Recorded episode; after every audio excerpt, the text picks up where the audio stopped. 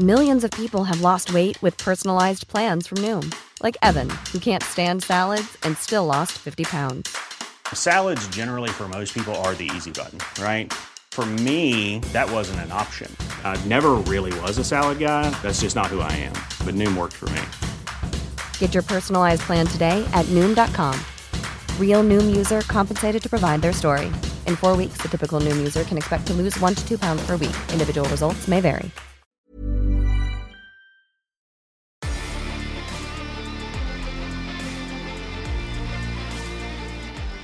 Jajamän, löjtnant. Vi har nått fram till den 7 december, nådens år 2022. Jajamensan. Ja, det närmar sig lite jul här nu. Ja, det gör ju det. Och idag är det dessutom onsdag. Och då har man inte räknat ut det än. Ja, och idag är det en onsdag. Och eh, ganska snart kommer man räkna ut det här mönstret med ölen. Mm. Vi började ju en torsdag och idag är det en, en onsdag, så det är första onsdagen.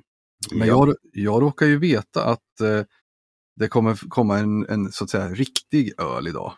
Okej. Eh, Mm. Jajamensan. Det gör det nämligen på onsdag, fredag och lördag. Aha, jag ser ett mönster. Ja, precis. Så det är alkoholfritt måndag, tisdag och sen är det onsdag en riktig öl och sen torsdagen alkoholfritt, fredag, lördag riktig öl och söndag alkoholfritt. Det hade inte jag noterat att du, du har ju fört mig lite bakom ljuset där. Mm, vi har ju inte kört en hel vecka än, så att, eh, Nej, okej. men sådant är mönstret. Och Mm. eh, får jag lov att öppna lucka nummer sju. Jajamän. Då öppnar vi lucka nummer sju. Och i den så finns det en eh, belgisk trippel. Aha.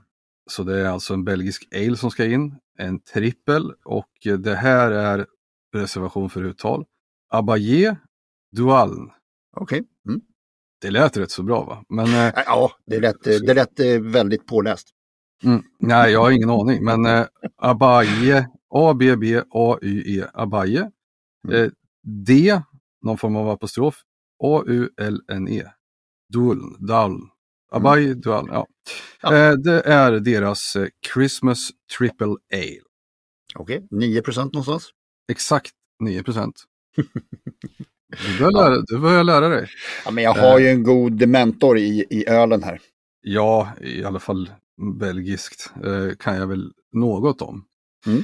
Ja, men det här är en, eh, de här gör ju fantastiskt bra eh, dricka alltså. Och det här är Mm. inte ett undantag, den här har jag haft förr. Så den här Christmas, Christmas trippen, det är bara att köpa, testa. Ja. Absolut. Den är ju ja, men fruktig, lite sötma, fruktkaka. Jag tycker att man kan känna lite, nästan lite banansmak i den här. Mm. Men gör man, jag, jag tycker man gör det i de här starka belgarna. Det är lite, lite underton av Carletti skumbananer i dem. Ja, kanske.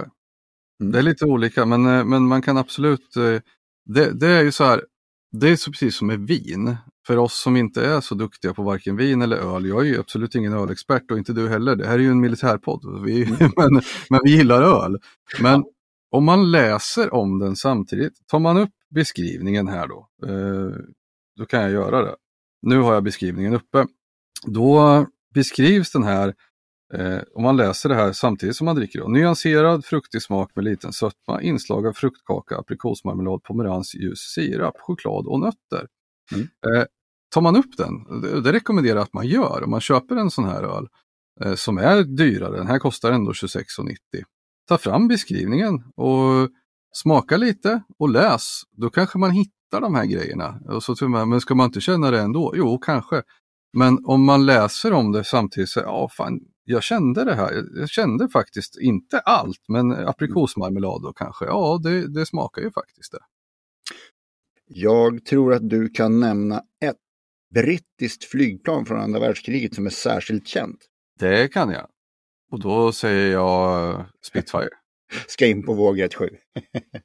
ja, helt rätt.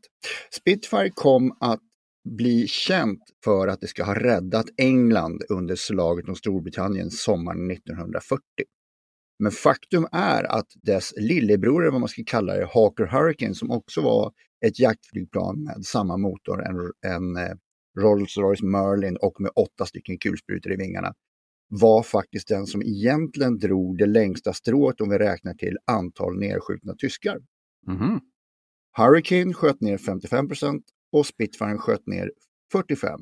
Men Spitfire kom att bli det häftiga planet som tog hem propagandasegern. Okej.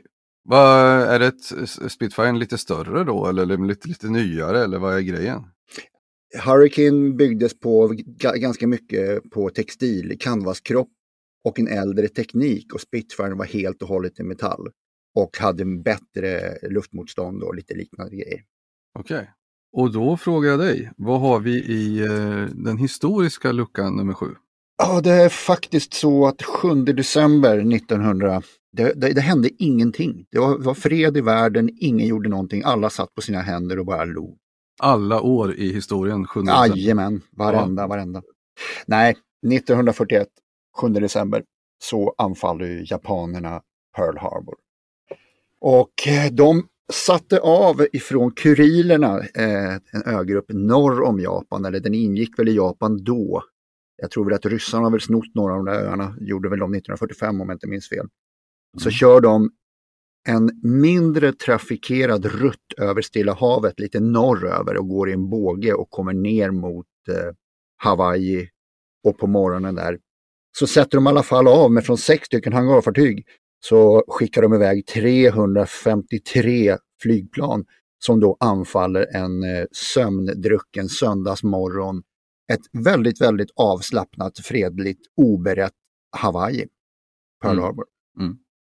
Här är det ju så också att de sitter ju då, de har ju, har ju monterat en radar så de ser ju att det kommer fartyg eller kommer flygplan och då är det så här att de, till att börja med så sitter radio, radarobservatören, han sitter och spelar schack med en polare som sitter, som sitter över telefon vilket gör att han blockerar linjen. Så de kommer inte fram med uppgiften om att det här radarekot syns. Mm. Och Samtidigt så förväntas ett antal B-17 bombplan komma från Kalifornien och skulle flyga in och stärka upp Pearl Harbor så att man tror också att radarekot är de flygplanen. Döm om deras förvåning när det börjar droppa bomber i Pearl Harbor på morgonen där 7 december. Mm. Då blir det stökigt. Mm. Vet du att faktiskt var det USA som sköt det första skottet i kriget mellan Japan och USA? Det var nämligen så att det var en jagare som var ute och snurrade i vattnet utanför Pearl Harbor som såg ett periskop. Och den här jagaren hette Ward. Och när de ser ett periskop utanför en av deras mest hemliga baser så bestämmer då befälhavaren ombord på Ward att skjuta mot den japanska ubåten. Mm. Så är det. Och den var japansk? Den var japansk. Ja, med den historien så knyter vi igen säcken den 7 december. Det gör vi. Det gör vi. Så syns, syns vi imorgon. Jajamän, ha det bra. Hej! Hej då, hej då.